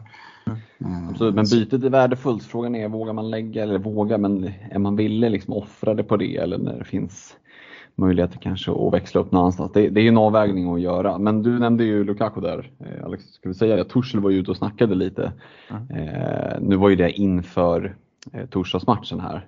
Mm. Men han pratade mycket om avslutningen, att de som är hungriga och ska, vill visa att de vill vara här och spela. Det var liksom i de ordalagen han pratade. Det ska mm. bli väldigt intressant att se om Lukaku startar då eh, torsdagsmatchen här, för om han inte gör det då är det väl en ganska tydlig signal att han inte har eh, just de attributen av att vara hungrig och vilja visa vad han går för. Eh, om han däremot startar torsdag, då, jag tror liksom för hans del så är det nästan så här tvärtom att han behöver inte få vilan utan han behöver liksom starta torsdagsmatchen. Då tror jag att eh, det är större chans att han startar igen på söndag eh, utifrån det som Torshäll var ute och sa. Här skulle jag kunna försöka göra mig rolig när du säger hungrig, Lukaku ser lite stor ut och tung. Eh, men, men väljer att inte kliva in på det. Men däremot tycker jag att han har sett hungrig ut på att göra mål och har en uppåtstigande trend. Så jag tycker att det låter som att det är typ Lukaku han pratar om eh, när, när han säger det. Um, så det är en av anledningarna också till att han letar sig in på min anfallsrek. Um, men vi ska gå vidare med, med differential-rekar. Det här är någonting vi inte brukar ha med. Uh, vi har haft det förut uh, för, för länge sedan. Men det ska vara en ägarandel under 5% och just för Game Week 38 tycker jag att det finns case att kika hitåt. Um, en av dem har redan nämnts det, uh, utav mina differential-rekar. Det är av dig Stefan, på försvarssidan så har jag valt att inkludera Sinchenko och på 1,3 procent. Eh, ser han som, som given eh, i, i dagens City. Eh, sett till, till skador och så. Eh, och eh, möjlig offensiv utdelning eh, men även en relativt billig väg in i i Citys försvar om man eh, känner att man vill dit och täcka upp lite eh, eventuellt men även med möjlighet till offensiv utdelning. Eh, jag har även vänt mig till City i övrigt, en spelare som jag överväger då om jag inte ska ta minus att gå till det är en Raheem Sterling. Eh, vi får se om han spelar i City nästa säsong. Eh, men City har hemmamatch. Eh, City har en vana av att vräka på eh, mål. Jag tror de vann med 5-0 hemma på Etihad eh, förra året. Jag tror året innan vann de med 5-0 också. Eh, Sterling äger en del 2,5% Visst, man kan göra så alla till Kevin De Bruyne. Eh, men i den här sista gameweeken ser jag gärna att jag liksom går någon annanstans. Och jag kan verkligen se att Sterling Eh, Eh, får. Eh, Stefan, du nämnde Foden på mittfältet. Visst, det kan lika gärna vara Foden som får de här poängen. Han sitter däremot i, i väldigt många fler byggen. Sterling, ja, men han har varit en sån gubbe hela säsongen. Han letar sig in i ett free hit eh, kanske eller för någon kortsiktig pant innan man drar ett wildcard eller sådär. Eh, tycker han är en sån bra spelare att eh, hoppa på. Så han får ett omnämnande där.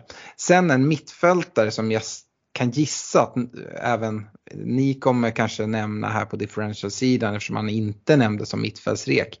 Det är ju en Christian Eriksen i Brentford. Vi har pratat Tony och Brentford eh, som ska möta Leeds.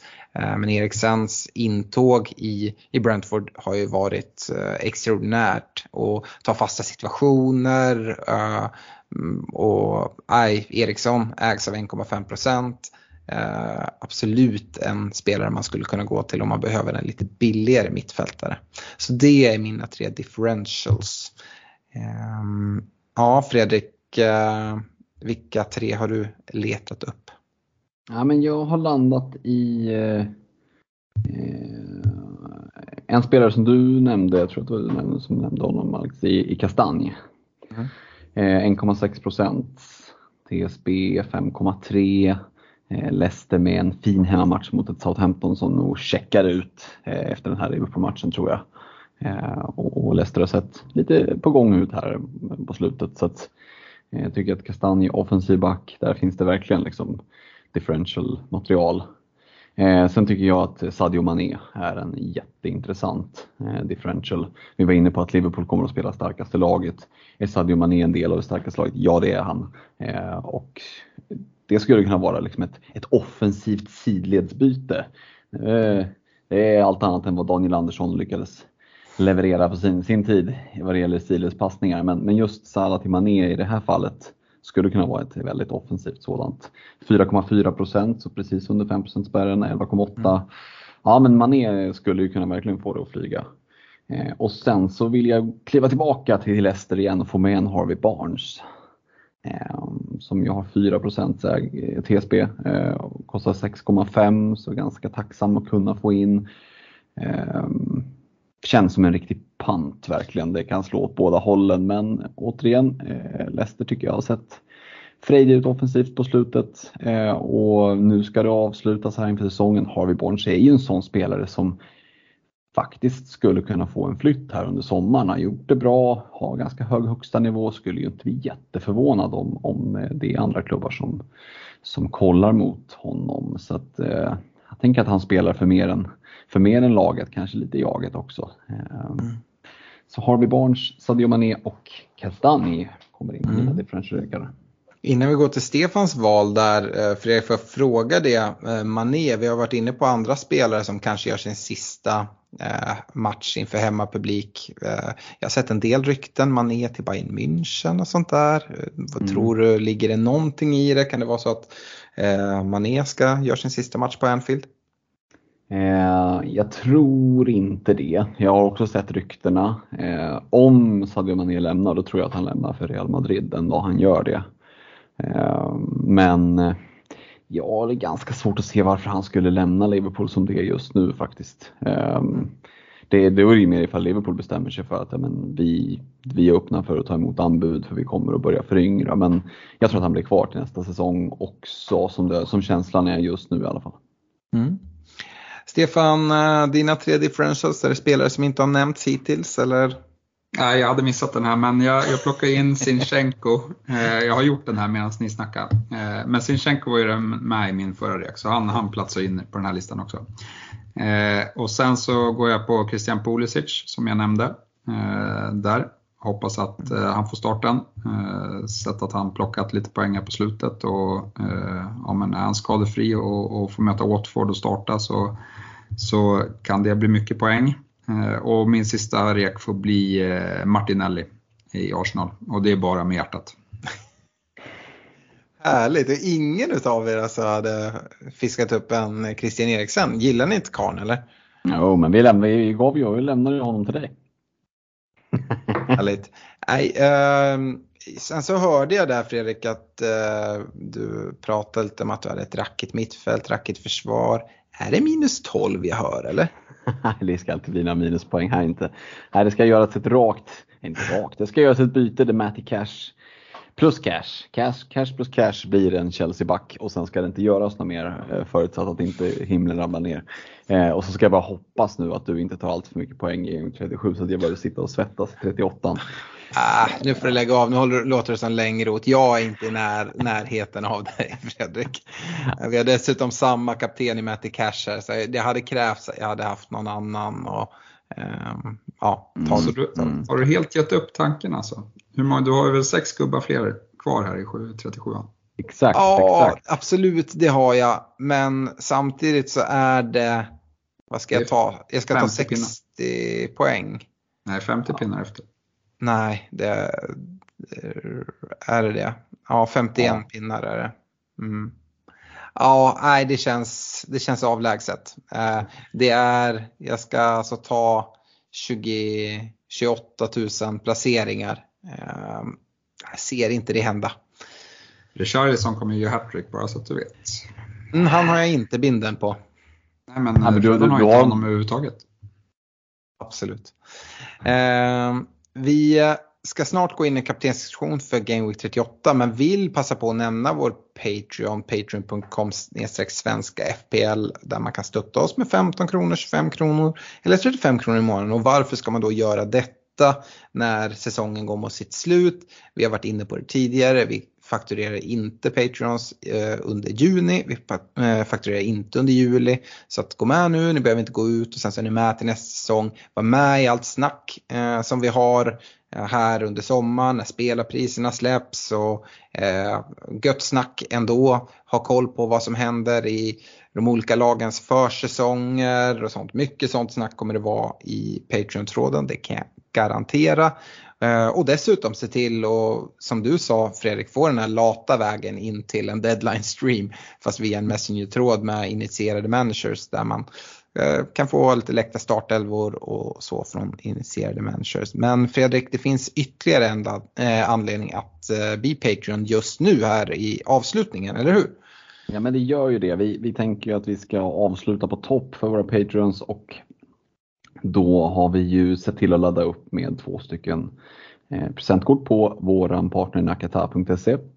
Eh, så ett utav dem kommer vi att lotta ut till en av våra patrons och ett utav dem chippar vi in som ett pris för den som plockar flest poäng eh, isolerat till just Game Week 38. Och då är det Eh, de enkla reglerna att det gäller att ta flest poäng netto, det vill säga drar du massa minuspoäng då gör vi avdrag för dem. Ehm, det är helt okej okay att spela chips som man har kvar. Ehm, liksom har du suttit och, och hållit på, på ett free hit så eh, god jul, kör hårt. Ehm, god chans att vinna skulle jag säga. Och skulle det bli lika antal poäng, ja men då vinner den som inte har spelat ett chip.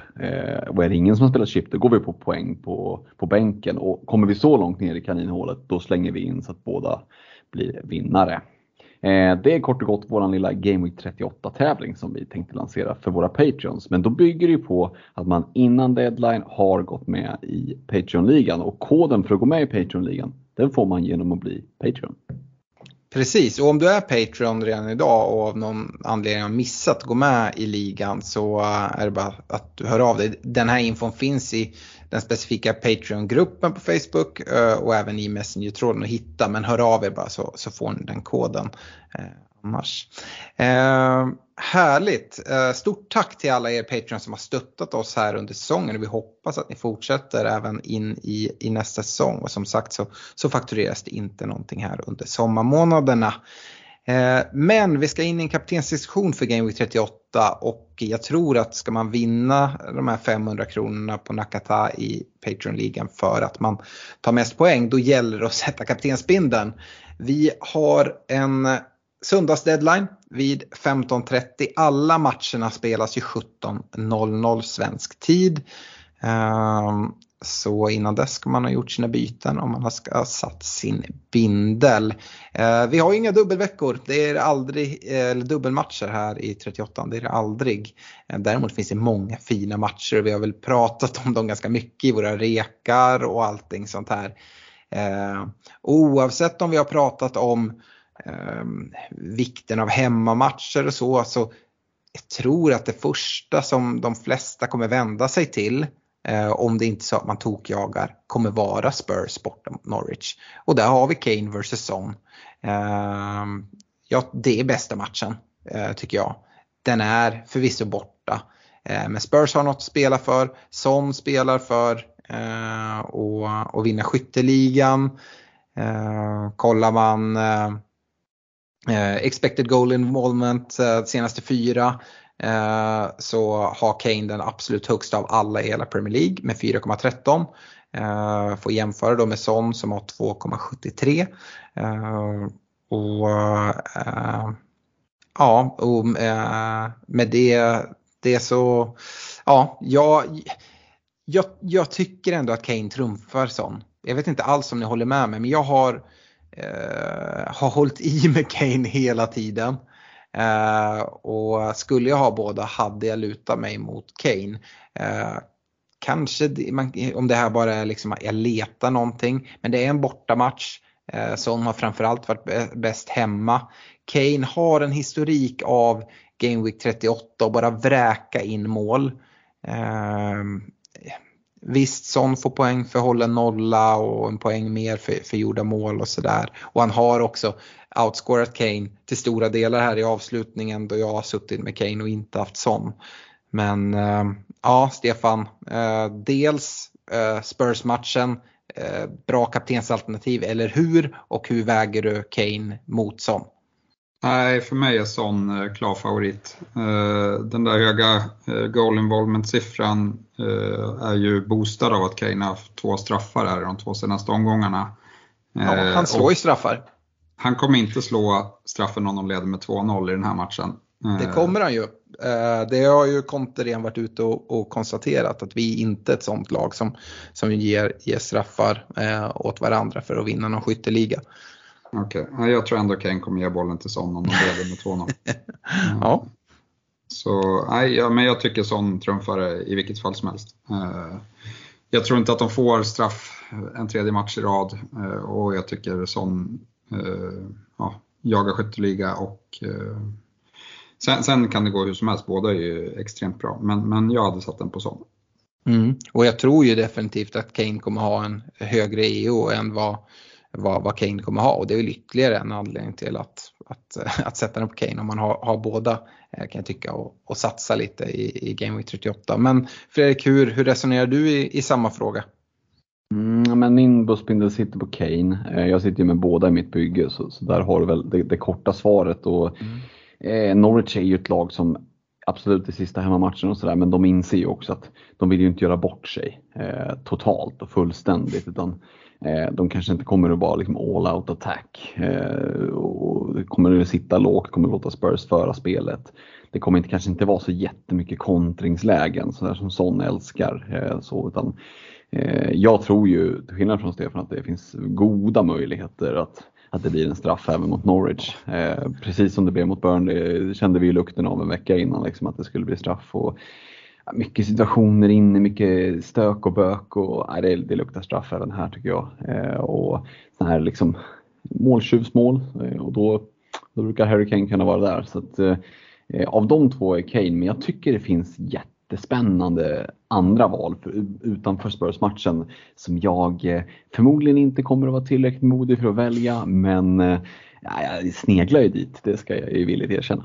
Ja absolut. Jag, jag kastade ju ur mig här mitt i, i podden Reece James. Uh, jag mm. vet att du, du delar ju min, min syn på, på Chelsea-matchen här mot, mot Watford.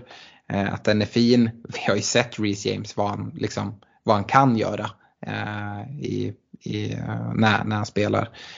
Både Reece James och Alonso som liksom det är, det är, man blir inte chockad om Chelsea hemma mot Watford skulle hålla nollan och att Alonso och Reece James kommer med någon offensiv utdelning och så lite bonuspoäng på det. Eh, jag hade i alla fall inte blivit chockad över det. Nej precis, det, där känns det som att det finns ett väldigt, väldigt eh, tak och också just de här differential-poängen eh, med, med binden. Liksom. Mm. Eh, Lukaku är ju ett, ett val i Chelsea också om man nu har honom. Eh, jag ser också han att han, han, skulle liksom kunna vara en sån spelare som, som i, i uh, Game Week 38 helt plötsligt smäller in ett hattrick. Eh, så alltså om man, om man verkligen går för det. Eh, Chelsea, eh, eller Stefan, du har inte varit lika, lika övertygad kopplat till Chelsea, kopplat eh, till liksom den tajta eh, återhämtningstiden efter torsdagsmatchen mot, mot Leicester. Eh, du lockas heller inte av någon kaptensbindel där då eller hur, hur ser du på mitt och Fredriks resonemang kring, kring Chelsea-bindel? Nej, men jag gillar inte osäkerheten. Med, med, liksom, med sån så vet jag eh, att jag får starten. Eh, och han kommer spela 90 minuter eh, troligtvis också för, för chansen på skytteligavinsten. Skulle jag cappa någon annan så skulle jag nog vända mig mot Liverpool eller City. Eh, där, men Liverpool gjorde ju sin jättevila här efter fa Cup-finalen eh, och City borde vara rätt lätt att liksom, eh, se vilka, vilka gubbar som ska spela också kan jag tycka. Mm. Men ja, Son är ju klar favorit. Men om man ska leta differential så ja, men, tycker jag Diaz, Cancelo, Foden, du nämnde Sterling, De Bruyne, alla de kan man kappa också. Mm. Jo, det kan man absolut. Och som av de här spelarna du nämner så tror jag att eh, Son är den som kommer ha högst EU också. Eh, och man kan ju se det på olika sätt men jag tycker framförallt här i Game Week 38 så har vi väldigt många personer som håller på och jagar. De håller på och jagar att ta sig in i topp 10K eller om du är ännu högre upp att gå för liksom, totalvinsten. Det är väldigt få som är just där men i liksom, sin miniliga eller liksom, vart man är och då kanske det är så att man måste gå emot sån och då tycker jag det finns väldigt många, många bra alternativ. Ehm, så det är väl därför jag liksom vill resonera mig kring, kring andra spelare också. Sen så som sagt, jag, jag håller Kane före, före Son ändå. Eh, drömläget tror jag är att sitta med både Son och Kane och sätta binden på något av dem. För annars tror jag att eh, det är risk att man blir en sån Eh, liksom total Eh, cross där, där Son och Kane gör massa poäng. Och det troliga om vi ska vara helt ärliga är ju att om, om Kane får massa massa poäng då får Son också det. Eh, så har det, så har det varit tidigare och jag ser inte varför det skulle ändras, ändra nu. De spelar ju fram varandra mest hela tiden. Och, eh, ja, jag gissar att det är det, det vi kommer se. Men jag tror att om man ska avancera med att Son eller Kane gör Eh, gör mycket poäng. Då ska man ha båda och ha binden på en av dem. Eh, annars tror jag att du står ganska stilla faktiskt, eh, tyvärr. Ehm, du nämnde Liverpool där, eh, Diaz, Mané, eh, Trent kanske, Robertson. Vad, Fredrik, vad säger du om Liverpool? ja, det är väl någonting som går att sticka ut med men jag hade mycket hellre blickat mot City faktiskt. Eh, City har ju det här i egna händer. Eh, jag tror att de kommer att krossa Villa fullständigt faktiskt. Eh, så min vicebindel idag sitter på De Bruyne. Eh, nu sitter ju han i mitt bygge så hade jag den möjligheten men jag är lite lockad av tanken på en, på en City-bindel. Eh, kanske inte nödvändigtvis eh, backlinjen där, Cancelo, jag förstår ju att det kan locka men det skulle inte förvåna mig om Villa får in en boll. Eh, skulle, jag, skulle jag spela liksom på slutresultat skulle jag gissa på typ 5-1. Eh, att de släpper in en boll antingen precis i början eh, eller precis i slutet. Sådär. Eh, men jag tror att City kommer att göra flera mål framåt och då känns ju De Bruyne, Foden, eh, som två väldigt spännande alternativ. Det är lite mer osäkert, de sprider ju målen lite mer eh, emellan sig i, i City än vad man gör till exempel i, i Spurs. Där är det mer givet att det är just Son och Kane som ska stå för dem. Men, eh, eh om man är i ett sånt läge där man kanske bara sitter med en av Son och Kane och känner att fan, jag, jag chansar på att de inte går bananas mot, mot Norwich. Eh, och den man jagar i miniligan till exempel sitter med båda, ja men då är min chans att gå någon annanstans. Då tycker jag att Kevin De Bruyne är en jätterolig kapten. Eh, som har ju visat sin höjd och kommit igång här på slutet. Eh, och, och eh, han har ju liksom, City har ju bränt en del eh, lägen på titlar här under säsongen. Jag tror att De Bruyne är ganska sugen på att liksom sparka hem eh, ligatiteln till City och eh, hade tyckt det var ganska nej, det är fel att, säga, fel att säga att man skulle tycka det var småtrevligt att ha binden där för jag kommer ju att hålla så hårt på, på Villa i matchen. Men för den som är liksom en objektiv FBL-manager så vore det säkert småtrevligt att se Kevin De Bruyne med, med binden eh, inför sista matchen. Mm. Stefan, hur, eh, hur ser du på de olika City-tillgångarna? Liksom, eh, vem, vem du helst skulle vilja ha binden på? Kollar man på expected goal involvement senaste fyra så, så är det Jesus i topp på 3,70 följt av Sterling 3,25 och Kevin De Bruyne 2,45 om man bara kollar på expected goal involvement. Då. Ja, nej, men hade jag haft De Bruyne hade det varit min go-to-guy för han är liksom 100% säker på att han kommer starta. Eh, de andra eh, är inte lika övertygade om. Eh, alltså vi, de har ju så många gubbar de kan välja på framåt. Så, så lite så hade jag tänkt. Mm.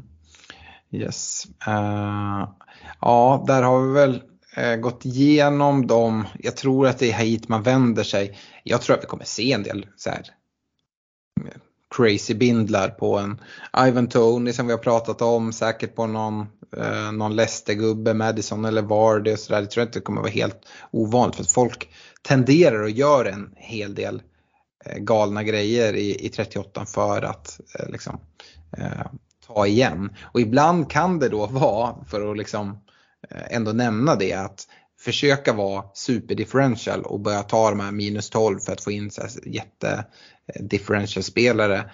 Eh, ibland kan det vara bättre att bara sitta lugn i, i båten, sätta binden på, på sån om man nu tror att han, även om han kommer ha högst EO, att det är liksom det som gör att man, man avancerar. Eh, det tycker jag ändå är värt att, att poängtera. Eh, jag måste innan vi liksom, eh, släpper det här och går vidare till, till lyssnarfrågorna ändå vända mig till dig Stefan. Jag vet att du är uppgiven som Arsenal-fan. Men kan du inte se på något sätt att Spurs går och gör en liksom, klassisk Spurs och bara bränner det här eh, även om det är borta mot Norwich? Uh, nej, det kan jag väl inte. Men, men jag hoppas ju på det såklart. Uh, men uh, jag kappar gärna Son och ser att han eh, liksom eh, drar baksidan efter en minut. Eh, det hade jag inte haft några som helst problem med. Eh, så, ja, men, eh, och går det som jag tror att det går då, då kommer Son vara en väldigt bra kapten. Mm. Eh, så ja. Yes. Vi ska avsluta med några få lyssnarfrågor. Johan Engström, Fredrik, han sitter med triple captain kvar. Eh, mm. efter, att, efter att ha varit lite mindre aktiv de senaste gameweeksen. Han undrar om Kevin De Bruyne är det givna valet eller vem hade ni valt? Nu har vi haft en kaptensdiskussion eh, så att eh, där kan man, finns det ju flera val. Jag tycker inte att Kevin De Bruyne på något sätt är det givna valet. Men hans Eh, Följdfråga tycker jag är värt att, att prata om. Han undrar om det då är värt att ta minus 4 för att byta in den spelare som man då absolut vill ha som kapten om man inte har han i laget. Eh, nej, jag tycker inte att det är värt att göra byten. För du sitter förmodligen med någon hyfsad eh, premium som du känner. Det finns så pass många val här så att du har liksom dödat fyra poäng som du måste hämta igen genom att ta minuspoäng. Så det tycker jag inte. Eh, sitter du med någon av Son eller Kane i bygget så tycker jag att det är den givna eh, triple captain-binden. Eh, vi sa att det fanns många val och sådär men sitter man triple captain med den höjden som Spurs har, med det motståndet, med det läget som är i ligan, att då hade jag liksom hade jag suttit med en triple captain så hade det, då hade jag varit helt säker på att den hade hamnat på, på antingen Son eller Kane. Sen om man sitter med båda, ja men det är ett lyxproblem. Eh, liksom, det är lite coin flip över det hela men förhoppningsvis för, för hans del så sitter han med någon av dem och då tycker jag snarare att Eh, den av dem han sitter med är given. Eh, skulle det vara så han sitter med De Bruyne? Ja, jag var själv inne på det. Det är ju en intressant och det är en väldig differential. Liksom. Det är en differential kanske bara att sätta binden där eh, på ett sätt. Eh, så det behöver inte vara fel att sätta en trippelbindel där. Men jag skulle inte ta minuspoäng för det för jag är helt övertygad om att det finns så pass många val att någon, någon som sitter i hans nuvarande bygge eller som man kan få in med ett gratisbyte kan han sätta liksom trippelbindeln på. Mm, absolut. Eh, Stefan, delar du åsikten Nej, Men en, en, en trippelbindel är ju ändå väldigt mycket värt och minus fyra kan vara en ganska liten sak om man har en riktig, riktig känsla för en spelare som man bara kan få in genom att, och ta minus fyra. Eh, kan det, det, är väl, det är väl ett av de lägena som det kan vara värt att ta minus i, i 38 för skulle jag säga. Ja, men om man inte sitter med sån till exempel så hade minus fyra för sån eh, eller för Kane eh, kunnat varit värt det. Mm. Men som, som Fredrik resonerar till exempel att han har Kane men han har inte Son. Men han har en väldigt stark känsla att Son är mycket bättre än Kane. Um, liksom kopplat till minus fyra då. Uh, hur, hur hade du resonerat? Eh, alltså, jag tycker att det hade varit läge ändå beroende på liksom vad det är för andra. Och om det är att han får in Son till att börja med som han inte hade mm. fått annars. Eh, så, så liksom, och sen att han även vill cappa honom så mm. då tycker jag att det kan vara läge faktiskt. Mm. Eh, Stefan, vi har fått en fråga från Torbjörn Olsson också som, som rör eh, Mohamed Salah. Och han undrar hur man gör med, med honom om det inte kommer några klara besked från Klopp. Säg att det inte läggs, läggs ut någonting om hur det är med Salah. Utan, ja, det är touch and go. Uh, vi får se, han kanske startar, han kanske börjar på bänken. Uh, jag vill gärna att han ska få minuter. Uh, och det liksom läcks ingenting. kan man på något sätt sitta kvar med honom då lite som en differential eller är det liksom alldeles för mycket pengar där du har valfrihet att gå till exakt vilken spelare som helst? Ja, nej, jag tycker inte man ska behålla honom eh, om det finns minsta osäkerhet. Jag vet inte ens om jag hade velat haft han om han hade blivit liksom friskförklarad, för han kommer ju inte spela 90. Eh, och liksom, man kan byta in Son och, och De Bruyne på, på den positionen. Eh, som jag båda håller mycket högre här. Eh, jag, tror Salah har gjort vad är det, ett, två mål på sjukt många matcher för Liverpool. Här. Mm, det har ju också varit en del oflyt skulle jag säga. Uh, men jag hör vad du säger. Uh, och i Torbjörns fråga så är det om det inte kommer några klara besked. Uh, skulle du få ett klart besked att Sala startar, så är det. Då är det en sak, men om vi inte får ett sånt besked, vilket jag inte tror att vi kommer få, då, nej, alltså det, det går inte att sitta kvar där. Det är ju, det är ju där man gör sitt byte. Eller hur Fredrik? Ja, men vi var inne på det tidigare. Du kan göra det till en sån, du kan göra det till De Bruyne, du kan göra det den offensiva sidledspassningen till Mané eller Diaz för den delen om mm. har mer känsla där. Eh, så att, nej, det, det, finns liksom ingen anledning och sen kan han göra ett jävla hattrick på 10 minuter. Det, det, är klart att han kan göra det, men på förhand med den infon vi har just nu så känns det givet att, att byta Salah. För precis som Stefan säger, han kommer definitivt inte att spela 90 minuter. Nej. nej. Eh, sista frågan då till dig Fredrik. Christian Mikko Blanco, eh, han har tappat 60k i rank under Game Week 36 och 37 och skulle gärna ha en sista push nu. Han bytte ut Sala inför 37 eh, och står nu utan både City offensiv och Liverpool offensiv i 38. Eh, ska han få in båda i laget behöver han ta minus 8 eller ska han gå helt, helt utan eh, bådas offensiv och ta in typ Mount som har Watford. Eh, han skriver samtidigt att han har ett helt okej okay lag där bland annat Kane och Son uppdubblingen och, och Madison och så. Eh, hur eh, hade du resonerat där? Mm, det är ju klurigt såklart men här känns det lite på, som att det kan vara läge för det som du sa Alex. Att, eh, ja, men eh, jag kommer ihåg eh, det är många år sedan nu, det är verkligen back in the days, men när Boomerang, klädmärket, lanserade ett par nya jeans. Och det som var speciellt med dem, det var att bakfickorna inte hade några sömmar alls. Det var liksom deras. När, när Wrangler och Levi och alla de här hade liksom eh, olika mönster på sitt och lanserade Boomerang ett par jeans som var helt blanka. Och det är lite det du kan applicera på Game 38 här. Bara ta ett steg tillbaka, du var inne på det Alex, bara kappa sån andas tio gånger i en påse och så gör, tryck inte av någon minus 12 för du kommer inte att plocka hem den. Gör en boomerang, bara liksom låt det vara cleant.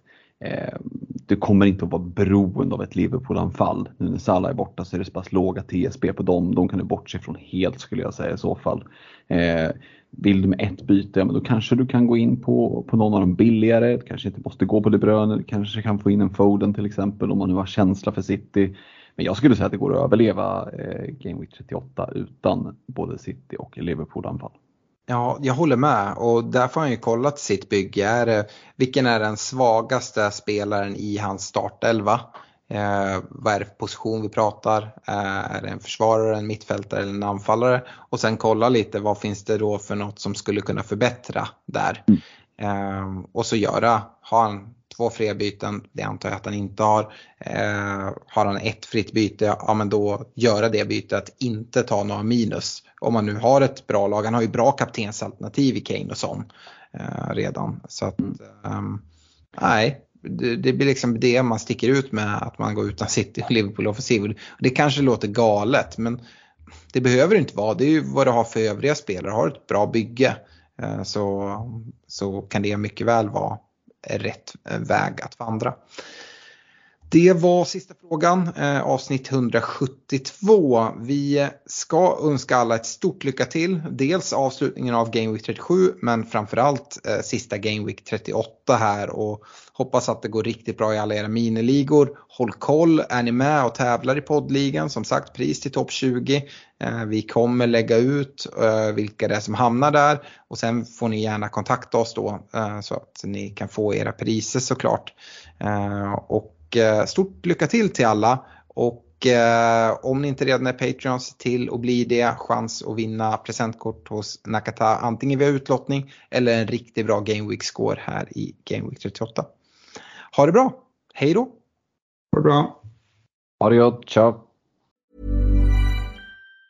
Mom deserves the best, and there's no better place to shop for Mother's Day than Whole Foods Market. They're your destination for unbeatable savings, from premium gifts to show-stopping flowers and irresistible desserts. Start by saving 33% with Prime on all body care and candles. Then get a 15-stem bunch of tulips for just $9.99 each with Prime. Round out Mom's menu with festive rosé, irresistible berry chantilly cake, and more special treats. Come celebrate Mother's Day at Whole Foods Market.